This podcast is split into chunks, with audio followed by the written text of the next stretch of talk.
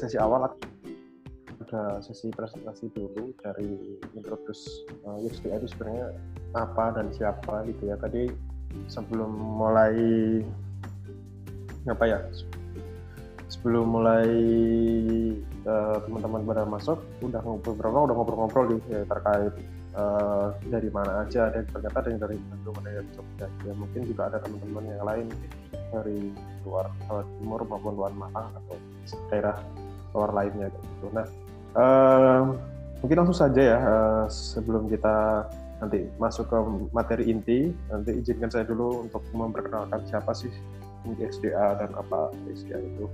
Gitu ya uh, langsung saya mulai aja. Oke okay, uh, yang pertama uh, IXDA itu adalah uh, sebuah apa ya asosiasi bisa dikatakan sebuah asosiasi profesi gitu ya kalau di Indonesia yang kita dedikasi berdedikasi untuk pengembangan uh, ilmu disiplin ilmu uh, interaksi desain atau desain interaksi gitu. Nah, IXDA sendiri itu pertama kali dicetuskan di US itu tahun 2003 jadi 2023 dan sampai sekarang itu lebih dari 100 ribu dan lebih dari 200 lokal grup yang ada di seluruh dunia gitu termasuk di Indonesia-nya kayak gitu. Nah, eh, kira-kira di XJ Global itu ada event apa aja sih? Nah, ini event-event yang dimiliki uh, Global termasuk mungkin video yang tadi saya tayangin gitu ya sini ada Interaction Week, terus Interaction Education Summit, terus ada EXD Asta dan Design Charity, ada Interaction Award sama EXDD. Nah dari keempat program yang di atas itu sebenarnya dalam satu rangkaian ya dari jadi setiap tahunnya di IXDA Pusat itu ada agenda uh, namanya Interaction Week. Nah, di Interaction Week itu ada yang empat itu. Nah, di gambar yang di, di samping saya yang di sisi kiri kalau dari saya itu waktu kemarin uh, ada interaction week di uh, Milan. Tepat beberapa minggu sebelum di, di Italia benar-benar di lockdown ya. Jadi untung saja teman-teman yang ada di waktu pas uh, acaranya interaction week itu teman-teman desainer di sana masih belum ini ya masih belum banyak terpengaruh dengan itu. Tapi kayaknya impact banget. Jadi kayak pesertanya nggak terlalu nggak semasif yang pas ada di waktu di Seattle gitu. Jadi mungkin karena mungkin udah apa ya kabar kayak mungkin di Italia atau di mana uh, lagi COVID gitu pas beberapa minggu setelah itu langsung dengar kabar Italia benar-benar di lockdown baru apa nasional gitu nah kemudian kalau selanjutnya ada namanya uh, uh. Jadi ini program apa ya? Program sebuah event ya, event yang dilakukan global kayak gitu. Di event ini itu diselenggarakan di seluruh dunia. Jadi kayak namanya itu World Interaction Day atau Hari Inter Interaksi Dunia gitu. Nah, uh, ini dari di bulan September kebetulan nanti ada ininya kalau teman-teman mau cari infonya oke lanjut nah ini tadi yang saya bilang di EXDD tahun uh, ini nanti ada di bulan September itu temanya culture and sustainability nah nanti uh, bakalan diadain seluruh dunia semoga aja nanti pas uh, COVID-nya udah selesai, teman-teman yang ada di Indonesia bisa ikutan. Nah, sebenarnya event ini terbuka bagi komunitas siapa pun yang mau ikutan, termasuk kalau misalnya di Indonesia ada UXDA, ada UXID, ada Surabaya ada ADS, ada Digital Community. Kalau mau ngadain ini, silakan. Nanti tinggal masuk ke yang di websitenya aja, misalnya di Design nanti masuk di situ aja. Submit kira-kira nanti teleponnya seperti apa disingkat gimana speakernya siapa kayak gitu. Itu nanti bisa jadi gabung jadi satu di seluruh di seluruh dunia gitu. Nah kebetulan untuk uh, belakangan ini di Indonesia udah ikutan kedua kalinya tahun 2018 sama tahun 2019 kemarin. Nah untuk yang interaction week kalau Interaction Week ini event tahunan juga, event tahunan juga yang biasanya diadakan di bulan Februari. Nah, Februari untuk tahun tahun 2020 2021 kan 2020 kan udah nih uh, bulan kemarin tahun 2020 eh 2021 nanti diain di Montreal Kanada. Jadi sebenarnya udah masih itu agak mahal. Jadi dan semoga juga COVID-nya tahun 2021 udah mulai menurun. Jadi teman-teman kalau mau sekalian ikutan event keren ini, sekalian pelesir ke Kanada bisa ikutan juga saya tahun 2019 tahun 2019 itu di Seattle terus 2020 itu di Milan tahun 2021 2021 ini di Montreal gitu oke uh, gimana sih Indonesia ya uh, kalau di Indonesia itu kan menjadi satu, sebelumnya satu-satunya ya yang ada di Indonesia sebelum Jakarta habis itu gabung.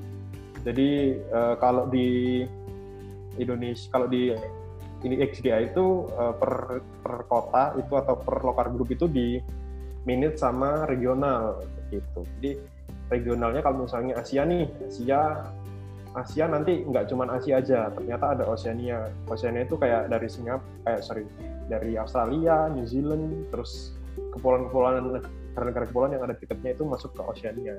Jadi kita di XDA itu di Malang juga dibantu eh, di minute sama teman-teman dari XDA Asia yang kebetulan juga memfasilitasi event ini untuk tersenggaranya. Jadi uh, kami di pusat uh, kayak semacam dikasih guideline gitu. Kira-kira kalau kamu mau bikin event online itu kayak gimana, terus difasilitasi kayak gitu.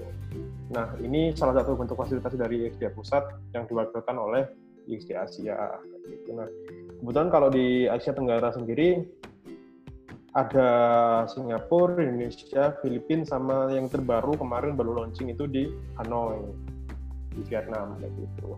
Kalau di Singapura itu hampir seluruh komunitas atau asosiasi internasional itu ada di sana ya. Kalau ke di, di Indonesia kayak masih kurang gitu. Makanya kenapa sih nggak Indonesia juga ikutan kan? Jadi negara keren gitu loh. Nggak cuma Singapura aja di Asia Tenggara yang kelihatan keren gitu. Nah di, di kebetulan setelah apa? Setelah IXDA Malang ada terus ada IXDA Jakarta ya gitu. Nah tapi untuk di Jakarta ini masih belum terlalu aktif. Mungkin karena uh, kebetulan juga lokal leadernya itu masih apa ya di kerja di coaching jadi mungkin juga sibuk juga gitu. Oh ya sebelumnya udah perkenal udah sorry lupa ya perkenal perkenalan nama saya Anggita Satria Pengawan dan kalau di, di uh, ini saya sebagai local leader jadi uh, kayak semacam ketuanya lah mungkin untuk di kota ada gitu.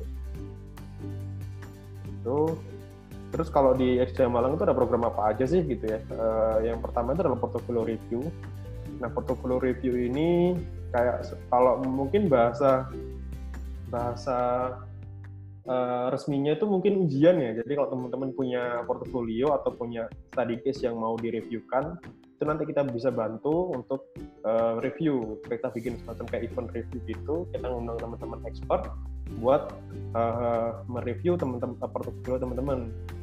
Nah di portfolio review ini teman-teman uh, dibagi ke apa ya? Ada kayak semacam orang bagian-bagiannya gitu. Ada yang pertama itu ada ini ada reviewer nah reviewer ini dari para expert atau peserta yang ikutan nah uh, selanjutnya ada presenter. Nah presenter inilah yang mempunyai uh, portofolio yang mau direviewkan kadang beberapa kali ada DM di sosmednya IXDA ada ada ini pertanyaan mas saya gimana ya mau daftar uh, jadi peserta portofolio review nah di situ agak ada kerancuan. Kalau ternyata di sini itu peserta adalah orang yang memberikan review, bukan orang yang mempresentasikan uh, ininya. Jadi kalau yang kita berdikati istilah untuk yang menyampaikan portfolionya kita beri istilah uh, presenter gitu. Kemudian ada monthly meet up. Monthly meet up ini uh, kegiatan kita setiap bulannya kayak gini namanya kita kasih cangkruan ya cangkruan mungkin kalau masih Jawa mungkin lebih teman-teman lebih familiar namanya cangkruan cuman kita kasih ganti agak alay aja jadi cangkrukan pakai X ya. Terus ada Ghost to Campus sama Malang Dribble Meetup. Nah kalau Ghost to Campus sama Malang Dribble Meetup ini kita bisa biasanya kita ini sih kita kayak gabungin. Soalnya kadang kita dribble meetup itu dari kampus ke kampus gitu dari dari road kampus ke kampus gitu. Terus workshop. Nah workshop ini biasanya kita bersama sama teman-teman startup atau teman-teman company untuk bikin satu workshop gitu bisa stream. Terus untuk sudah visit uh, ini semacam kayak kita bikin satu event gitu visit ke studio kita ngobrol-ngobrol yang biar kartonya kayak uh, tentang uh, apa yang mereka kerjakan tentang apa sih produk mereka kayak gitu terus ada book club. Kalau book club ini kita kayak semacam bedah buku gitu jadi kita membahas satu buku. Uh, udah pernah kita lakukan mungkin karena kurang efektif juga ya. Jadi uh, kita dulu pernah baca book club ini uh, baca ini buku kuning yang The Sense of Everyday Things yang ada normal terus ada lagi namanya One Week Design Challenge. Nah ini yang terbaru. Ini kita uh, sebenarnya program ini terinspirasi dari teman-teman Dribble Surabaya sama dari teman-teman DS ada Mas Fadil juga di sini. Uh, di Dribble Surabaya itu ada namanya event Designathon nah Designathon itu kayak apa ya istilahnya mereka tuh ngedesain uh, kalau teman-teman tahu hackathon jadi kayak mereka desain langsung gitu dengan waktu tertentu nah kita juga kok kayaknya keren ya saya juga ikut di, di dalamnya tuh kayak keren gitu teman-teman ngedesain bareng terus bahkan live ya bisa dilihat uh, orang gitu. Nah, kayaknya kita kepikiran gimana kalau kita juga uh, mengadopsi kayak gitu tapi dengan based on research kita bikin teman satu minggu jadi mereka teman-teman peserta itu kita kasih waktu untuk riset selama satu minggu di situ ada, uh, sudah berjalan batch pertama dan sudah ada enam peserta yang gabung dan yang uh, kloter pertama sudah selesai semua, tinggal kloter kedua yang masih jalan research kayak gitu. Nah di One Design Challenge ini kita kasih kayak semacam uh, case gitu, case tadi. Nah nanti teman-teman yang mau ikutan, jadi kayak kita kasih, terus nah itu benar-benar di research. Nah researchnya itu benar-benar real, kayak gitu. Terus, nah ini untuk member kita nggak banyak ya, ada sekitar 16 orang. Terus untuk event ini, termasuk beberapa event kolaborasi, kita di sini. Untuk peserta udah mungkin lebih 800 ya untuk offline-nya. Kalau untuk online mungkin digabung-gabungin semua mungkin udah lebih dari 1000 orang sih mungkin. Gitu. Terus ini partner kita, eh, teman-teman kita ada game developer Malang, ada workshop riset informatika, ada Dilo, ada lettering Malang, ada ADS, ada Indicraft sama ADGI. Nah, kita kenapa kita kolaborasi? Karena di visi kita di visi kita sendiri kita apa ya istilahnya kita harus mengembangkan sumber daya manusia di kota kami itu harus kan berdasarkan prinsip kolaborasi. Nah, makanya dari itu kita uh, berkolaborasi dengan teman-teman komunitas. Nggak cuma desain aja, ada yang uh, programming juga gitu. Nah, betulan di tahun kemarin kita hasil dari kolaborasi dari teman-teman komunitas ini akhirnya muncul satu event besar yang khusus untuk teman-teman desain di Kota Malang. Namanya Malang Design Wave. Nah, untuk kebetulan kemarin juga kita lagi ngobrol-ngobrol juga sama teman-teman ADS dan People Community.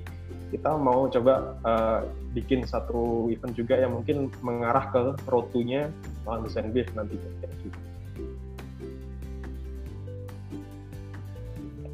Oke, nah ini teman-teman kalau ini ya mau lihat kabar-kabar terbaru, yuk follow sosial medianya XDA ya. Kalau di Facebook ada di XDA Malang, kalau Twitter Malang at, at Malang XDA, kalau di Instagram ada XDA Malang, terus kalau di website ada di XDA malang.org. Kalau kalau ini yang website lokal, kalau yang mau email itu di ini ya. Kalau mau kontak-kontak email ada di malang@xda.org.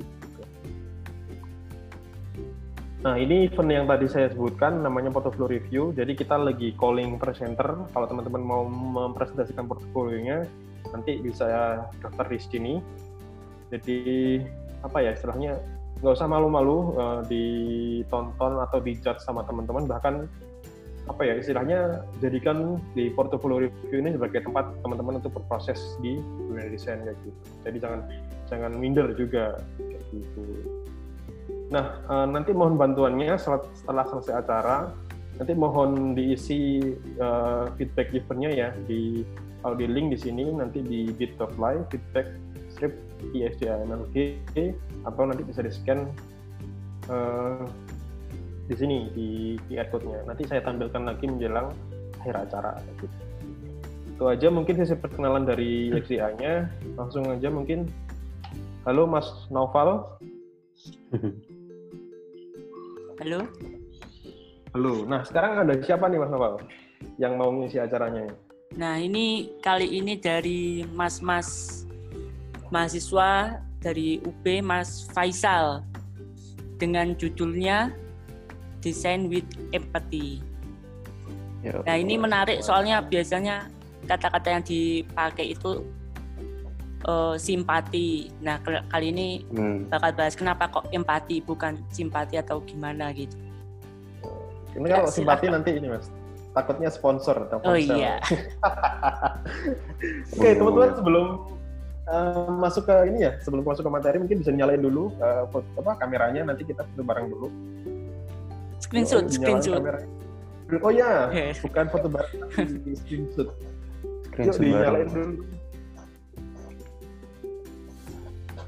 Iya, nah.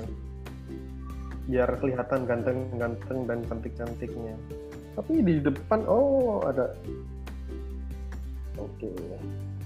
Kayaknya yang di set kedua ini dua halaman ya. banyak cowoknya ya. Halo Mbak, Mbak Asrina. Oh ada siapa juga ini? Ada ini Mbak Imawangi sama Mbak. Oke. Okay. Pada lagi habis sholat semua. Mbak-mbaknya puasanya lancar? Alhamdulillah rajin-rajin sholat semua ini. Iya. Kita sholat mana di mana? Gimana? Mas Anggit nyuruh foto. Oh iya. Gak apa-apa, jadi kelihatan cantik guys. Uh, sudah mungkin Mas Mas Hidayat Ansori, Mas Jos Joswantia ini mungkin cukup dari nyalain juga dong biar kelihatan semua. Oke, okay, uh, eh, mungkin teman-teman ini malu ya. Oke, langsung kita aja ya. Screenshot bersama ya. Satu, cis ya. Satu, dua, tiga. Lagi. Satu, dua, tiga. Oke, terima kasih teman-teman. Nah, langsung aja ya. Mas Faisal sudah siap? Siap, siap, siap. Ini teman-teman Oke. Siap, siap, siap. Oke, Mas. Saya limpahkan ke Mas Faisal. Oke, terima kasih, Mas. Bentar ya. Oke, udah kelihatan ya? Aman, aman. kelihatan, kelihatan. Bisa denger ya, Mas? Bisa denger bisa, bisa. Oke, siap, siap, siap. Oke, uh, selamat siang semuanya. Eh, selamat sore. Udah mau buka. Ini kita sambil nunggu buka bareng-bareng nih jam ngabuburit setengah empat dan yo ntar gak kerasa kan tiba-tiba udah wah udah ada gitu tapi kayaknya duluan Malang nih daripada teman-teman yang di daerah barat kalau misalkan udah buka sana belum buka ikut malam juga nggak apa-apa adanya dengernya bareng mas jadi iya. malah nggak apa gitu ya Betul itu. oke jadi bentar. Oke jadi perkenalkan uh, di sini nama aku Faisal. Uh, di sini aku uh, jadi sebagai materi cangkruan ke berapa ya? Ke 8 apa 10 ya mas ya sekarang? 10 10 Oke, okay, uh, 10. Jadi kan ini ISDA sebenarnya kan mau ngadainnya beberapa bulan eh bulan kemarin kan, tapi dengan adanya apa kondisi gini juga terus akhirnya gimana caranya ISDA tetap eksis nih. Kita kasih materi buat teman-teman buat sharing juga ke teman-teman. Akhirnya baru bisa bulan ini nih buat online meetupnya. Jadi meetupnya bulan ini. Terus uh, aku di sini mau bawa mengenai design with empathy ya perkenalan dulu. Aku Faisal nih di sini sebagai leadnya R&D di SDA terus uh, lanjut lanjut lagi. Terus di sini kan biasanya apa sih empathy itu? Biasanya kan kita ngobrol nih uh, desain pakai empathy terus habis itu gimana sih desain kok pakai empathy gimana sih desain tuh kok pakai perasaan gimana apa langsung keluar gambarnya atau gimana gitu kan? Uh, apa bayangan dari judul ini? Nah terus di sini sebenarnya lebih ke arah apa ya? Empathy kan lebih ke arah ke manusia. Jadi uh, apa yang dibahas itu kan ke arah manusia usernya itu. Mungkin lebih apa agak-agak ke psikologi juga. Tapi di sini aku gimana caranya? Ntar aku bawainnya coba ke arah yang apa ya, dasar dan mudah dipahami lah uh, dari sudut pandang aku sebagai desainer di sini gitu jadi aku coba buat gimana sih cara jelasin gimana sih cara desain ini kok pakai empathy gimana sih gitu oke okay. uh, nah gini biasanya kan kita tahu tuh kita sering dengar bahwa kalau misalkan uh, desain tuh biasanya hmm, empathize user terus misalnya di desain di, di desain thinking itu juga ada apa ya tahap pertamanya itu ada di empathy terus define terus di user center design itu juga ada kayak empathy empathinya itu kenapa sih semuanya pakai empathy terus habis itu apa sih sebenarnya empathy itu kok harus kita harus berempati pada orang kepada apa uh, user kita itu kenapa gitu kan. Sebenarnya gitu sih pertanyaan dari aku awal-awal kenapa mau ngangkat tema ini karena kok apa ya sebagai orang yang dulu awal-awal belajar itu kok baru tahu nih kira-kira empathy itu yang dimaksud empathy itu gimana kan karena agak apa ya agak jarang-jarang juga kita di dunia umum itu dengar-dengar kata-kata empathy atau gimana kecuali apa hmm, apa ya kecuali kalau misalkan kita kerja misalkan kita sebagai psikolog atau gimana gitu. Nah sebenarnya sebagai nggak hanya sebagai apa seorang desainer desainer aja nggak hanya seor, sebagai seorang desainer aja kita harus sudah empathy tapi kadang kita juga seperti itu juga ada di dalam dunia kedokteran terus misalkan psikolog terus misalkan orang pemilik warung pun sebenarnya juga harus memiliki empati kepada pelanggannya terus itu wira swasta juga kadang kita juga harus memiliki empati gitu loh gitu. Terus uh, sebagai di, seorang desainer kita itu juga kadang apa ya uh, ya itu sih kadang itu bingung gitu gimana sih caranya buat gimana sih caranya kita buat berempati dengan user-user kita atau gimana sih caranya kita menuangkan empathy itu ke desain kita gitu. Gitu. Ini sebenarnya uh, buat aku juga sih baru sih gimana buat apa nyampain ini ke teman-teman secara online juga. Jadi kadang kalau misalkan kita meet up secara langsung kan biasanya bisa sambil canda atau stand up gitu kan. Jadi kalau misalkan di sini ntar apa uh, aku agak guyon-guyon dikit gitu jadi agak gitu aku ketawa-ketawa sendiri ntar kalau teman-teman dia nyalain uh, speaker apa bisa ketawa juga bareng nggak apa-apa. Oke, lanjut lanjut lanjut. Oke, terus habis itu, nah di sini, di sini dalam membangun sebuah produk kan sebenarnya ada dua sisi, sisi apa, sisi orang nih, antara si desainer sama si user.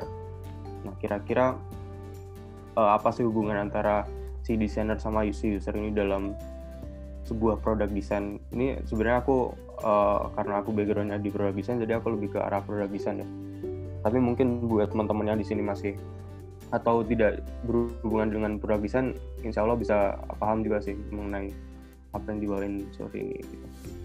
jadi desainer itu kan sebuah orang yang apa ya, yang yang membuat sebuah produk dan bertanggung jawab untuk membuat sebuah produk service kepada user kan jadi desainer itu make sure uh, bagaimana dia apa ya memahami dan menginterpretasikan sebuah experience apa kepada si user gitu. Apa yang diberikan ke user itu kan berupa sebuah experience gitu.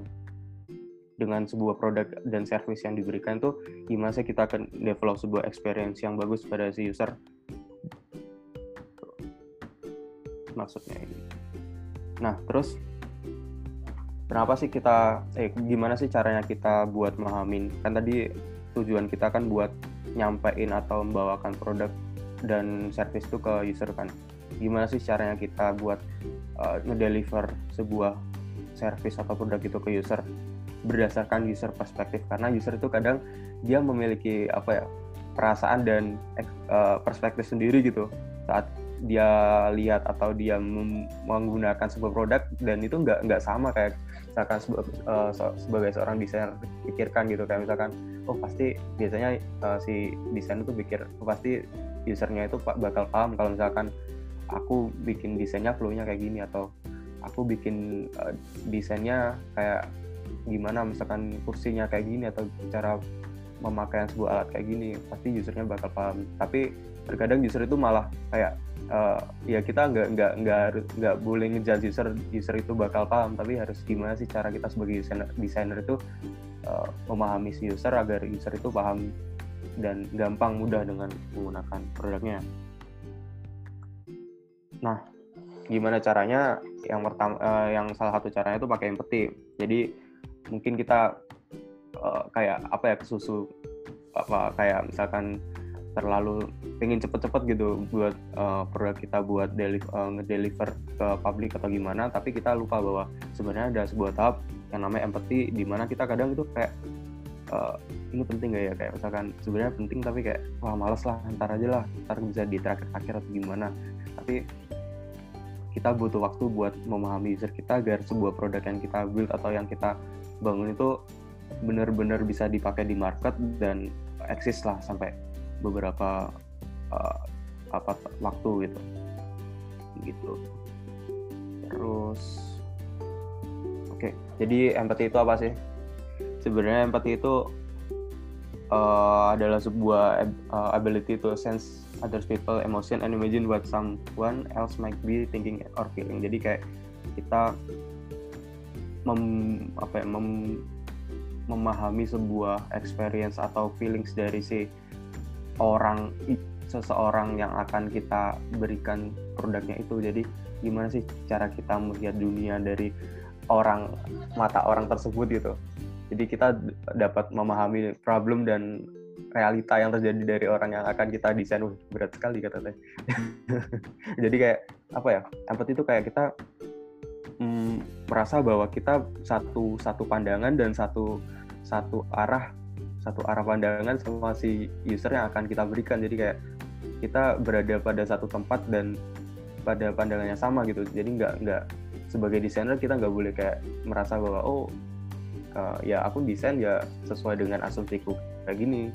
Tapi ntar kita nggak tahu bakalan gimana gitu pandangan si user saat gunain kita nggak tahu. Jadi sebagai desainer yang fungsinya adalah untuk um, problem solving sebuah masalah yang ada ya kita juga harus tahu nih pandangan seseorang saat kita mau apa mau memberikan sebuah solusi ke orang tersebut gimana.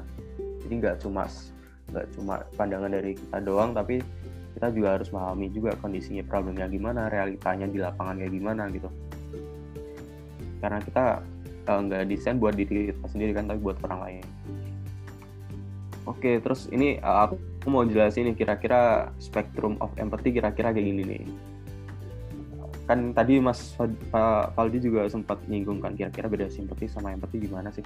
Kan lebih, lebih kita lebih sering berbicara mengenai simpati gitu kan. Jadi di sini ada dua dua bagian nih eh, dua arah buat uh, yang pertama ada effort sama understanding engagement jadi yang pertama level dasarnya namanya PT terus naik lagi uh, dengan effort yang lebih tinggi namanya simpati terus naik lagi ke arah effort yang lebih naik lagi ke arah apa? Dengan effort yang lebih tinggi namanya empathy. Terus ada lagi atasnya namanya compassion. Nah itu semakin ke atas effort yang kita berikan semakin banyak itu bakalan meng, apa me, kita bakal paham atau memahami user itu lebih banyak gitu. Nah terus bedanya gimana sih? Kayak misalkan kalau PT itu kita itu uh, apa ya? Kita itu kayak oke okay, kita paham bahwa orang tersebut sedang merasa seperti itu ya udah gitu doang. Kayak I, I acknowledge your suffering. Jadi kayak misalkan uh, ada sesuatu kejadian gitu terus habis itu kejadian orang jatuh atau orang kepleset gitu di depan orang teman-teman. Terus habis itu kita ya ngomong aja uh, oh itu ya menurut aku itu sebuah sesuatu yang memalukan terjadi buat kamu gitu. Itu uh, PT terus misalkan kalau simpati contohnya contohnya kayak kan I feel for you ya jadi kayak uh, I care about your suffering. Jadi kayak misalkan uh, ap, kayak misalkan uh, apa ya kayak kejadian tadi uh, saya sedih tuh saya sedih saat lihat kamu jatuh terus dan saya merasa bahwa apa ya nggak enak gitu kamu punya pengalaman kayak gitu gitu. Kayak misalkan kita menaruh menaruh simpati atau menaruh hati kita ke orang itu tapi kayak hanya sebuah kata-kata dan perasaan sedih gitu. Itu kalau empati kayak misalkan kan ini I feel with you tuh. Jadi kayak misalkan I feel your suffering. Jadi misalkan oh saya paham gimana kamu malunya kamu tadi terus gimana kamu frustasi cukup frustasi dengan kejadian tadi terus itu apa ya, ya kita menaruh hati ke orang tersebut dan memahami bahwa kondisinya misalkan kita ada di kondisi orang tersebut itu gimana gitu mencoba menempatkan itu ke diri kita saat kita misalkan ada di posisi orang tersebut kayak gimana. Kalau compassion itu kan lebih ke arah uh, rasa sayang ya. Jadi kayak misalkan I want to relieve your suffering. Jadi kayak misalkan hmm, apa ya uh, oke okay, saya bantu kamu nanti saya antar ke, ke puskesmas atau ke dokter kan misalkan habis dia habis kepleset depan orang habis itu ya dibantuin sampai benar-benar dia uh, selesai memecahkan masalahnya. Jadi kayak misalkan compassion itu dia bakalan bantu sebagaimana dia bisanya. Nah di sini sebagai desainer uh, kita biasanya lebih ke arah empatinya sih. Gimana kita menempatkan di mana dia kita berada pada orang tersebut. Gimana rasanya kayak gitu sih. Ntar kalau kebanyakan compassion kan sayang tuh. Ntar baper kan waduh susah. Ntar dikira modus kan susah. Gitu sih ini spektrum empathy jadi bedanya antara simpati empathy nah ini aku jelasin nih. Kira-kira bedanya kan mungkin teman-teman di sini lebih apa familiar sama simpati dan salah satunya juga empathy juga kan. Jadi sini aku coba jelasin kira-kira bedanya gimana. Kira-kira misalkan nih ada orang nih dia sangat depresi sekali sama kondisinya sekarang. Nah terus dia kayak uh, apa merasa sangat gelap gitu sangat wah saya merasa di sini sangat tidak ada motivasi sama sekali berada di titik terpuruk saya gitu. Terus itu saya tidak bisa melakukan apa-apa gitu kan biasanya. Ya misalkan contohnya seperti itu kan. Terus itu kalau misalkan empati nah kita coba nih pahamin. Kita coba dengerin kira-kira apa sih yang dialamin terus itu apa sih yang terjadi sama orangnya. Dan dan kita coba buat ini buat berada nyoba berada di dalam posisinya dia. Oh aku paham nih kira-kira kalau misalkan aku di kondisinya seperti dia itu kayak gimana? Kan kadang biasanya orang-orang itu apa ya orang-orang itu uh, saat saat apa ya saat saat saat ketemu orang yang seperti itu kan kadang kita lebih banyak buat ngejudge orang tersebut. Oh kamu harusnya gini gini gini gini. Tapi di dalam empathy proses empathy itu ternyata kita diusahakan untuk tidak ngejudge langsung orangnya gitu. Tapi kita dengerin dulu nih kira-kira maksudnya orangnya gimana sih? Dan jangan terlalu banyak buat ngejudge orang tersebut itu nah contohnya simpati kayak gini nih. Contohnya simpati itu misalkan dia uh, dua orang ini saling ngobrol-ngobrol-ngobrol gitu kan. Terus habis itu ada satu orang datang terus dia bilang oh ya mending kamu tidak mati atau mending kamu apa masih enak kamu gak gak kejadian seperti ini masih enak kamu dia kejadian seperti itu. Biasanya diawali simpati itu diawali dengan kata-kata kayak gitu. Jadi kayak misalkan ya udah sih ya gak apa-apa aku sedih tapi kayak ya udah biasa aja gitu. Eh, biasanya simpati kayak gitu. Jadi lebih ke arah apa ya simpati itu ya udah ngobrol ngomong doang tapi tidak mencoba buat memahami kondisi orang yang uh, kita hadapi itu seperti apa simpati kayak gitu. Itu bedanya kira-kira beda empati sama simpati kalau misalkan teman-teman masih bingung kayak gitu. Terus nah uh, di sini ada apa namanya four qualities of empathy. Jadi gimana sih caranya buat kita ningkatin empathy? Ini dari Teresa Wehrman. Dia seorang nursing nurse uh, atau perawat. Jadi nggak cuma seorang desainer doang atau kerja uh, beberapa pekerjaan lain pun juga sebenarnya butuh empathy buat ke orang gitu untuk pekerjaan-pekerjaan yang memiliki hubungan dengan orang banyak gitu. Nah si Teresa Wehrman ini uh, ngomong bahwa gimana sih caranya buat berempati dengan orang lain ada empat cara nih. Yang pertama si their word. Jadi uh, jadi uh, kita mencoba buat melihat kondisinya atau melihat pandangan dari uh, apa ya dunianya dia itu seperti apa kalau misalkan dia terjadi seperti ini atau misalkan ada hal buruk terjadi atau misalkan dia mempunyai masalah seperti ini gitu pandangan kondisi dia di dunia dia itu seperti apa kita coba buat uh, melihat dari sisi itu. Terus kita juga harus ini nih appreciate them as human being. Jadi kayak kita uh, apa ya nggak nggak jangan jangan ini jangan ngegas gitu.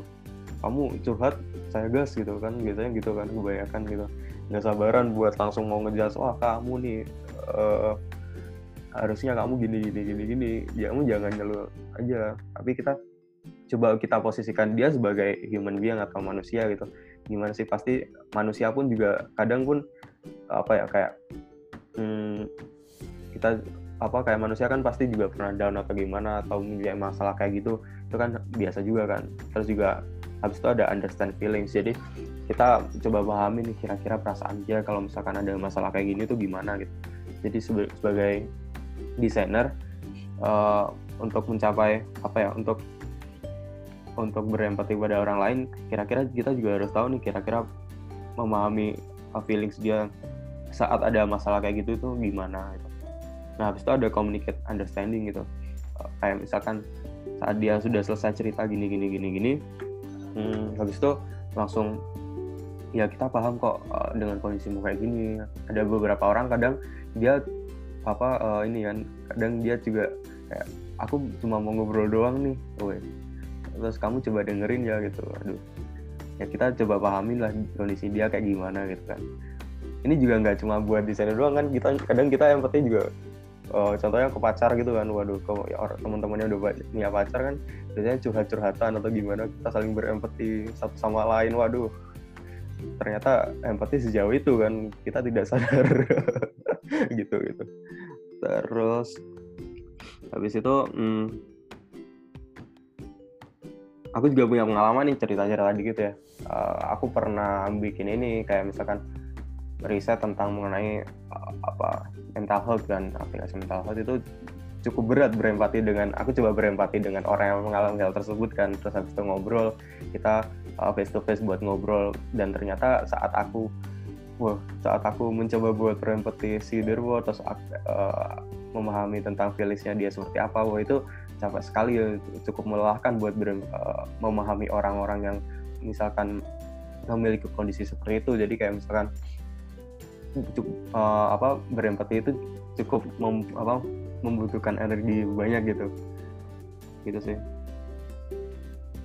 Oh ya mas mas Amir siap. Jadi ya itu sih aku cerita tentang pengalamanku saat uh, apa uh, riset mengenai orang yang mental health.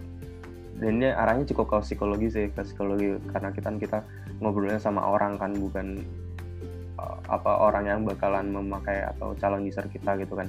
Jadi saat saat aku coba buat berempati dengan orangnya itu kayak misalkan dia cerita wah saya hampir hampir apa kayak uh, apa namanya ya aku lupa self harm gitu. Waduh waduh kenapa tuh kalau sampai bisa dia kok uh, self harm ternyata dia depresi dia anxiety dengan insecure dengan keadaan sosialnya dan lingkungannya seperti ini seperti ini. Ternyata dia punya masalah seperti ini dan di situ kita sebagai desainer kayak kita ngasih empati ke orangnya terus kita coba buat cari kira-kira problemnya selama ini ternyata apa sih dan solusi yang bisa kita berikan seperti apa. Itu sih buat pengalamanku pernah riset dengan menggunakan uh, empati yang cukup berat sih buat aku uh, me, apa dengan user yang mengalami mental seperti itu. Terus nah habis itu kira-kira apa sih hubungan antara desain sama empathy ini kok bisa kita masukin empathy itu ke dalam desain atau proses desain-desain kan cuma gambar-gambar gitu doang kan? Ternyata desain itu kan nggak cuma buat gambar-gambar gitu doang kan kayak misalkan uh, dalam proses desain kan kita nggak cuma ilustrasi atau uh, apa ya, ilustrasi atau kayak gambar gambar beberapa elemen apa icon gitu doang kan. Tapi kita kayak sebuah kita desain sebuah produk sebuah kita desain sebuah produk kita desain sebuah bangunan atau uh, benda untuk orang lain itu juga namanya desain gitu. Dan itu membutuhkan empati juga kan. Jadi empati di sini sebagai salah satu sarana buat buat bantu si si desainer itu buat apa ya kira-kira tidak dalam asumsinya dia sendiri gitu. Dan memiliki pandangan lain saat dia membuat sebuah desain. Jadi kayak uh, apa ya memakai sepatu sepatunya lah apa sepatu orang lain lah. Biasanya kan kalau kondisi apa bahasa bahasa desain kan kayak gitu. Itu juga biasanya kalau misalkan kita pakai empathy uh, saat desain itu juga kita bakalan dapat uh, apa understand people emotion and physical needs jadi kayak misalkan emosi orangnya seperti apa sih kalau misalkan dia punya masalah gini terus misalkan kalau dia kita kasih kok solusi kayak gini gimana sih emosinya dia bakal seneng atau gimana kita bisa langsung ketemu tanya kondisi usernya langsung gitu. Gitu. Itu sih. Itu buat uh, apa attempt to better understand other perspective. People aja buat si desainernya. Nah terus ini ada salah satu yang cukup menarik sih dari uh, John Kolko dari Austin Center for Design. Itu dia pernah bilang kayak gini complete empathy is impossible. Jadi empathy itu yang full yang bener-bener bakalan kita berempati dengan orang lain tuh kayaknya nggak mungkin deh kan karena kita nggak langsung mengalami hal tersebut. Misalkan pasti latar belakang orang itu nggak langsung apa nggak langsung terbentuk saat itu juga kan tapi cukup butuh waktu yang lama. Dan complete empathy itu cukup uh, susah gitu rasanya. Tapi kita bisa belajar dan apa ya coba buat memahami orang tersebut gitu. Dan kita berusaha buat uh, the closer you get the more likely you are able to build product design service that you that you will find usable useful and desirable. Jadi kayak misalkan semakin kita uh, kita mungkin nggak nggak benar-benar bisa buat memahami dan complete empathy dengan orang tersebut tapi kayak kita berusaha buat closer closer jadi se, se, se apa ya jaraknya gapnya se, sedikit mungkin dengan orang yang merasa itu. Jadi kayak misalkan kita semakin dekat dengan kondisinya orang tersebut ya kita bakalan punya pemikiran bahwa produk produk atau desain atau service yang kita berikan itu bakalan uh, useful dan desirable gitu sih. Jadi uh, sebisa mungkin mungkin teman-teman kalau misalkan uh, desain sebuah produk menggunakan empathy gitu. Karena ya produk atau desain dan service yang diberikan tuh dengan empathy kita bisa uh, apa ya lebih buat memahami user gitu. Gitu. Nah uh, habis itu kira-kira apa sih yang kita apa cari buat empathy ke usernya? Gitu. Apa benda bukan benda ya kayak misalkan hal-hal apa aja yang kita cari gitu saat kita berempati pada user si user itu nah yang pertama saat kita ketemu orangnya kira-kira ada tiga ini nih uh, yang kita cari ini. Yang pertama uh, detail persona. Kayak misalkan uh, apa saat kita ngobrol secara langsung sama orangnya kita berempati kan kira-kira kita tahu tuh kira-kira latar belakang dia seperti apa. Terus habis itu keseharian dia seperti apa terus anaknya berapa apa pendidikan yang gimana atau dia punya masalah apa. Terus habis itu hmm, kayak apa ya masalah-masalah yang terjadi saat misalkan dia misalkan kita mau membangun sebuah produk tuh misalkan uh, apa ya kira-kira masalah saat menggunakan produk itu gimana gitu kan. Jadi kan kelihatan tuh kira-kira detail personnya kayak gimana. Kalau misalkan kita cuma berdasarkan asumsi kita kan kita cuma ngawang-ngawang doang kan. Karena kita nggak ketemu orangnya kita kayak asumsi kita sendiri oh ya udah kira-kira paling orangnya bakalan merasa kayak gini paling orangnya bakalan punya masalah kayak gini gitu kan. Karena itu kan asumsi kita kan. Kalau misalkan kita uh, apa take time to uh, have an interview with other people kan kayak kita bisa tahu detail personanya dia gitu. Nah habis itu uh, kira-kira motivasinya dia buat uh, apa jalan itu apa sih? Itu yang kita cari sih motivasinya buat dia kok mau dia uh, tetap melanjutkan walaupun ada masalah gini kok dia tetap mau uh, apa hmm, melakukan hal tersebut. Kenapa sih itu kita cari? Coba kita cari. Habis itu frustasi. Kenapa sih dia frustasi selama ini dia dengan masalah misalkan ada masalah gini kenapa sih dia frustasi dengan masalahnya? Ini lebih ke arah ini sih kayak uh, apa user need sama user uh, user pain. Kalau misalkan teman-teman lebih familiar kan namanya user need sama user pain gitu kan. Gitu coba uh, terus misalkan kita kasih, kasih contoh nih. Kita kasih contoh kira-kira uh, teman-teman tahu nggak kenapa driver Gojek tuh saat dia mau pick up si penumpangnya uh, tombolnya pick up itu di slide nggak ditekan tuh. Itu kan biasanya uh, kalau misalkan kita perhatiin nih kalau misalkan teman-teman apa coba iseng-iseng tanyain ke bapak Gojeknya atau coba apa lihat di gitu. Kira-kira kan pasti biasanya orangnya kan bakal nge-swipe gini kan nggak dia nggak nekan tombolnya tuh kira-kira kenapa tuh? Kan mungkin mungkin ya mungkin uh, hipotesis dari aku uh, apa saat mungkin dia kalau misalkan dia pakai tombol bakal sering lebih sering ke ke ini ke apa nggak sengaja ke klik atau gimana gitu. Jadi lebih enak buat di slide gitu kan. Kalau misalkan si si apa desainer tidak mencoba buat uh, ketemu orangnya atau ketemu orangnya langsung buat ngobrol sama si drivernya apa dia paham bahwa wah pak uh, kalau misalkan pakai tombol button ini bakalan sering keklik pak. Apakah dia pak uh, paham seperti itu? Kan belum belum tentu dia paham gitu. Atau mungkin uh, di sana juga bisa tuh kayak nyoba tuh nyoba jadi driver atau nyoba buat nyetir tapi ada apa HP di depannya. Kira-kira gimana sih kalau misalkan uh, dia nyetir terus habis itu sambil nge nge ngeklik atau nge main apa pick up si penumpangnya itu gimana kan pasti uh, ada apa ada kayak hmm, ada kayak apa bahasan tersendiri mengenai kenapa sih kok diganti ya jadi slide kok nggak tekan tombol aja gitu contoh lagi nih kira-kira kok kenapa sih uh, si misalkan kita cari nih uh, contoh lain yang ada di lebih dekat nih. Wih, ada masnya, Mas Exxon jadi driver nih nanti pasti ada pengalaman gitu juga kan. Kenapa kok nggak nggak apa nggak pakai tombol aja gitu.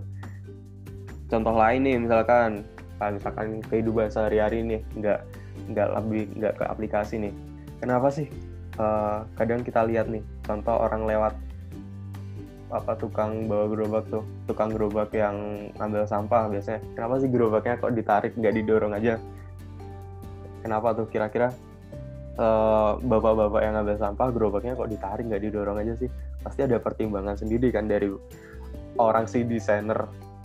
Apa gerobak sampah itu pasti ada desainernya sendiri ya. Nggak mungkin dia mempunyai pertimbangan ditarik aja nggak usah didorong gitu. Pasti ada pertimbangan sendiri kan jadi ada desainernya mungkin teman-teman kalau misalkan di sini sempat uh, tanya ke bapak-bapak yang uh, misalkan bantuin ambilin sampah misalkan bisa tuh tanyain loh pak kalau misalkan apa misalkan apa uh, ambil sampah kira-kira kalau didorong lebih berat nggak sih pak? Atau kalau ditarik lebih ringan nggak sih pak? Gitu. Misalkan uh, kalau misalkan teman-teman iseng-iseng tanya gitu ya nggak apa-apa sih kita kan coba berempati sama orang yang kira-kira kalau misalkan sebagai desainer nih teman-teman gimana pandangannya? Atau mungkin teman-teman punya ide lain tuh karena mungkin uh, apa ya? Uh, misalkan ngangkatnya terlalu berat tuh ke atas kejauhan wih saya seorang desainer saya ganti coba kira-kira bukanya dari samping kita buka gitu. Wih Mas Yudi menggunakan prinsip mobil penggerak roda depan dan penggerak roda belakang. Wah, siap mas. ya mungkin itu ada dari hukum fisika juga sih gimana uh, apa gayanya dan lain-lain force dan gayanya juga gitu kan. Gitu.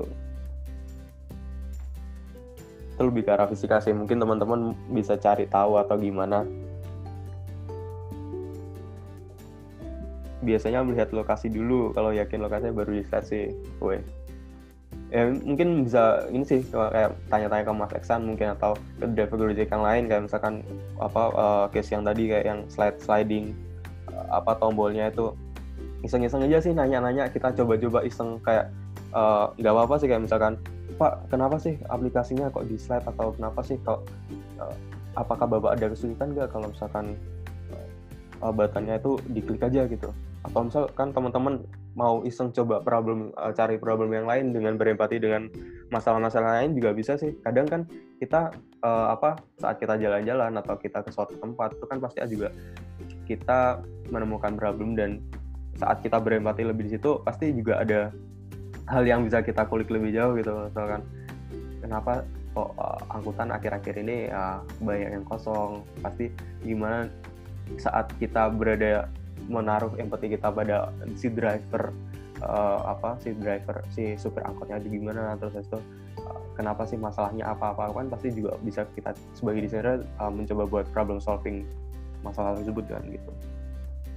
Gitu kita lanjut ya. Ini uh, yang kita cari nih kira-kira dari uh, apa uh, empati itu kira-kira ada tiga ini. Terus nah sebenarnya 98% uh, manusia itu mempunyai capability capability buat pilih yang peti. Mungkin dua persennya nggak tahu ya mungkin apa Hitler atau siapa. Aku uh, gak, gak, gak, gak nyinggung teman-teman yang mungkin kesusahan buat uh, feeling empathy sih. Tapi emang uh, empati berempati dengan orang lain tuh cukup susah gitu. Kadang kita saat uh, terjun ke lapangan langsung kok aku nggak paham ya masalahnya yang sama orang yang terjadi gimana. Kadang juga terjadi seperti itu juga gitu. Jadi nggak nggak nggak aku nggak ngejas teman-teman harus langsung paham ah, teman-teman harus bisa berempati dengan masalah orang lain atau gimana gitu. Enggak tapi memang uh, saat kita awal-awal berempati dengan orang lain dan mencoba buat merasakan feeling dari orang tersebut tuh juga cukup susah gitu dari salah satu dari quote dari dari David Crow quote a greater miracle. Jadi kayak misalkan salah satu uh, apa miracle gitu. Kalau misalkan kita bisa melihat dari sisi lain tuh secara instan. Kayak kita bisa membaca pikiran bahwa itu sangat membantu sekali sebagai desainer kalau misalkan kita bisa membaca pikiran gitu. Tapi karena kita tidak mempunyai kekuatan seperti itu kan pasti juga membutuhkan pengalaman, membutuhkan jam terbang saat harus berhadapan dengan kondisi masalah atau masa eh, kondisi tertentu gitu. Jadi sebagai teman-teman kalau misalkan masih belajar dan uh, apa masih belajar sebagai desainer dan cukup tertarik buat riset terjun ke lapangan itu uh, tambah-tambah jam terbang aja nggak apa-apa sih kayak misalkan awal-awal teman-teman coba buat ngobrol sama orang lain terus habis itu coba dengerin cerita-cerita kira-kira hmm, hal-hal apa orang-orang di sekitar kita itu kira-kira ada cerita apa sih kayak kita mencoba buat berempati lah dengan mereka gitu. Begitu. Nah ini salah satu mungkin teman-teman di sini uh, sering lihat nih. Ini uh, apa um, cukup cukup cukup. Ini cukup legend sekali kan gambar ini cukup legend sekali buat teman-teman yang yang ininya mungkin backgroundnya dari kampusnya IT atau computer science. Tapi yang kurang tahu sih kalau misalkan di jurusan kayak psikologi atau uh, product design seperti apa apakah gambar ini juga cukup legend? Tapi teman-teman yang ada di computer science mungkin cukup sering melihat gambar ini. Jadi ya ini contohnya salah satu uh, yang mau dijelasin dari dosen dosen kita mungkin seperti ini ya. Jadi gimana sih saat si si apa si customer itu atau si user itu kadang dia bilangnya kayak gini terus habis itu uh, si project leadernya ntar beranggapan saat dia punya pandang uh, mendengarkan si user itu bilang kebutuhan kayak gini masalahnya kayak gini oh, si project leader atau analis analisnya itu bilangnya kayak gini. Nah kita sebagai desainer juga harus gimana ya? Kita sebagai desainer juga harus dapat anu sih kayak misalkan hmm, karena kita berhadapan langsung dengan si user dan dan dan kita mencari tahu apa yang masalah yang terjadi sama user kayak kita perlu buat menggali lebih jauh gitu ternyata masalah yang benar-benar terjadi dan uh, apa kebutuhan user itu kayak gimana gitu. Dan itu menjadi salah satu ini sih kayak misalkan skill yang harus di dimiliki sama desainer sih berlaku. Karena sebagai desainer kita juga harus dapat berkomunikasi uh, apa dari user dari user empathy yang kita dapatkan dari user secara langsung itu kepada orang yang tidak bertemu sama usernya langsung gitu. Kalau misalkan misalkan nih misalkan uh, misalkan kita mau bikin aplikasi contoh ya case lagi kita mau bikin aplikasi tentang bis nih kita tentang bis kita desainernya terus habis itu kita kita cari nih masalah kira-kira hal yang terbaik buat mendesain sebuah aplikasi bis itu kayak gimana sih? Dan based on ke, uh, keadaan di lapangan nih nah kita terjun langsung nih ke lapangan kita ke terminal kan kita berempati kan coba berempati uh, kita sebagai penumpang yang asa uh, penumpang di sini. Kita terjun langsung ke terminal. Habis itu uh, habis itu kira-kira bener nggak sih kalau misalkan apa sesu, uh, yang ditampilin yang ditampilin dalam sebuah aplikasi itu cocok nggak sih saat apa apa ya saat pertama kali si user itu datang ke terminal? Karena aku punya punya pengalaman nih saat pertama dulu dulu pertama kali datang ke terminal naik bis sendiri kan itu disuruh nih naik bis uh, eksekutif aja jangan yang uh, yang biasa gitu. Karena aku pertama kali ke terminal kan oh oke okay. aku nggak tahu nih bis eksekutif yang mana. Aku sebagai orang awam dan nggak tahu kondisi terminal kayak gimana karena kan bingung juga kan di atas kan banyak plat nomor apa bukan plat nomor kayak plat-plat yang ada tulisannya kota ke mana kota ke mana kota ke mana gitu kan. Nah ternyata eksekutifnya itu ada di ujung aku nggak tahu sebagai orang awam nggak tahu bahwa uh, apa hmm, bis buat naik bis eksekutif itu ada di Jung. Akhirnya aku ya naik aja bis-bis yang bis-bis yang lewat-lewat itu. Dan ternyata itu bukan bis yang eksekutif gitu. Itu kan aku bingung juga lah ini aku mau nyari bis eksekutif kok dapatnya kok bukan eksekutif? Akhirnya ya udah turun terus dan akhirnya uh, ekspor lebih jauh oh ternyata ada di ujung gitu. Itu sebagai desainer kan mungkin kalau misalkan kita mau bikin sebuah uh, produk atau misalkan contohnya aplikasi nih contoh simpelnya kan. Bikin aplikasi tentang bis tentang uh, ticketing bis gitu kan. Mungkin teman-teman bisa coba merasakan berempati sebagai si user gitu.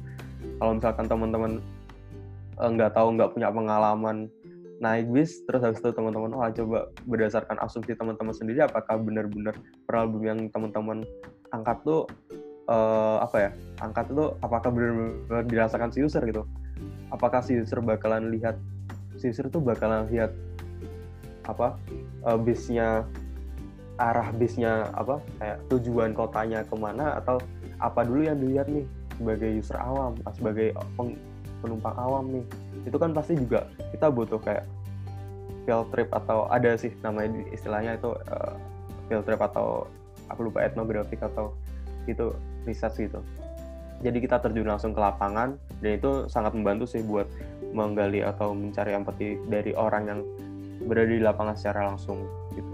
Jadi teman-teman jangan mal apa mal, apa malas-malas buat terjun langsung ke lapangan atau gimana. Kalau misalkan masih punya waktu ya kan kadang ya setiap perusahaan beda gitu kan. Ada deadline-nya oh ya cepat sekali gitu kan.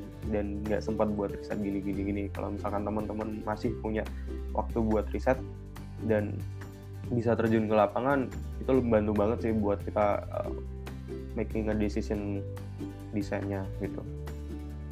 Begitu. Nah terus uh, di sini kan aku menjelasin dari sisi produk desain ya. Produk desain di sini kan hasilnya itu empathy, drive or experience gitu kan. Jadi sebuah empathy yang kita berikan tuh atau riset yang uh, apa kita cari dan kita gali menggunakan empathy itu akan bakalan bakalan membuat sebuah experience. Jadi bagaimana pengalaman pengguna saat menggunakannya sebuah aplikasi atau produk atau service yang kita berikan itu kan dari empathy yang dicoba buat dibangun sama sisi desainer sekuat tenaga mencoba membayangkan sebagai posisinya itu kan. Nah, habis itu, nah si experience nih bakalan uh, drive commerce. Jadi kayak misalkan dia bakalan sekarang empathy drive experience, si experience itu drive commerce. Dia bakalan meningkatkan bisnis, dari sisi bisnis akan meningkat. Habis itu dia juga bakalan meningkatkan connection gitu, connection setiap usernya. Habis itu dia juga bakal membuat komunitas tersendiri gitu. Jadi kita nggak nggak bakal rugi kok saat kita mencoba buat riset uh, desain tuh pakai empathy dulu atau hmm, apa ya merancang dulu nih kira-kira gimana sih pengalaman user saat menggunakan sebuah mendapatkan masalah seperti ini tuh kita nggak bakal rugi karena itu bakal meningkat. Dari sisi experience tuh bakal meningkatkan commerce connection juga community juga gitu. Contohnya nih kita kasih case juga nih. Misalkan, weh, misalkan tuh Mac Mac user.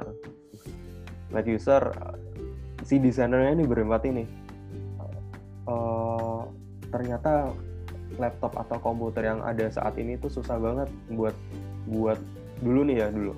Buat digunain. Terus habis itu tombolnya gak gak enak terus tosbarnya terlalu kecil gitu kan. Dia coba berempati kan coba berempati sama orang-orang gitu yang pakai laptop. Oh oke. Okay. Eh, si desainer paham nih. Habisnya habis itu dia bikin nih rancang gimana sih caranya dia buat meningkatkan experience pengguna laptop atau komputer. Dia bikin nih kira-kira Mac dia ngeluarin Mac MacBook terus dia ngeluarin iPhone atau produk-produk yang lain gitu kan. Terus itu dari situ kan dia bakalan karena si experience dari si pengguna itu juga bagus dan uh, apa ya rata-rata sih bagus ya gitu saat dia uh, pakai produknya si Apple gitu. Habis itu itu kan juga bakalan ngaruh nih ke penjualannya gimana tuh. Habis itu uh, dia juga bakalan bikin connection tersendiri tuh. Uh, antar satu orang dengan satu orang lain wah jadi rasis sekali kan? Sekarang terasa jadi gitu kan dia bakalan membuat connection tersendiri dengan pengguna-pengguna yang lain. Habis itu setelah connection tuh ada dia bakalan buat community. Jadi bakalan banyak forum-forum. Dan itu nggak apa ya nggak kadang si si apa ya saat kita sebuah sebuah produk atau sebuah uh, service atau desain itu berhasil membuat community membangun sebuah community itu kan nggak bisa nggak nggak nggak apa nggak diinisiasi oleh pe, apa ya, pe, pembangun perancang desainnya sendiri. Tapi itu berdasarkan experience yang sudah dapat sama si usernya gitu kan. Itu sih. Jadi experience itu bakalan bisa me, ini tiga commerce connection sama community. Gitu. nah terus habis itu kira-kira gimana sih caranya buat kita mulai buat berempati sama user kita? Ini aku ngomongnya dari dunia desain ya. Gimana sih caranya kita mulai gitu kan?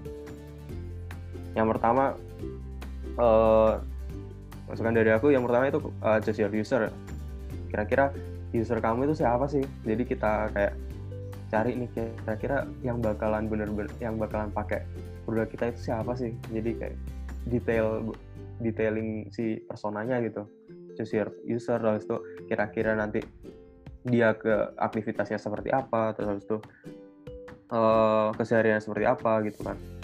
Habis itu karena kita um, desain sebuah produk itu kan buat si usernya itu jadi kita kayak benar-benar harus paham sih user kita itu siapa terus masalah yang terjadi itu seperti apa. Nah habis itu ada yang cukup membantu juga sih. Itu namanya uh, user journey kalau teman-teman uh, sering dengar kan.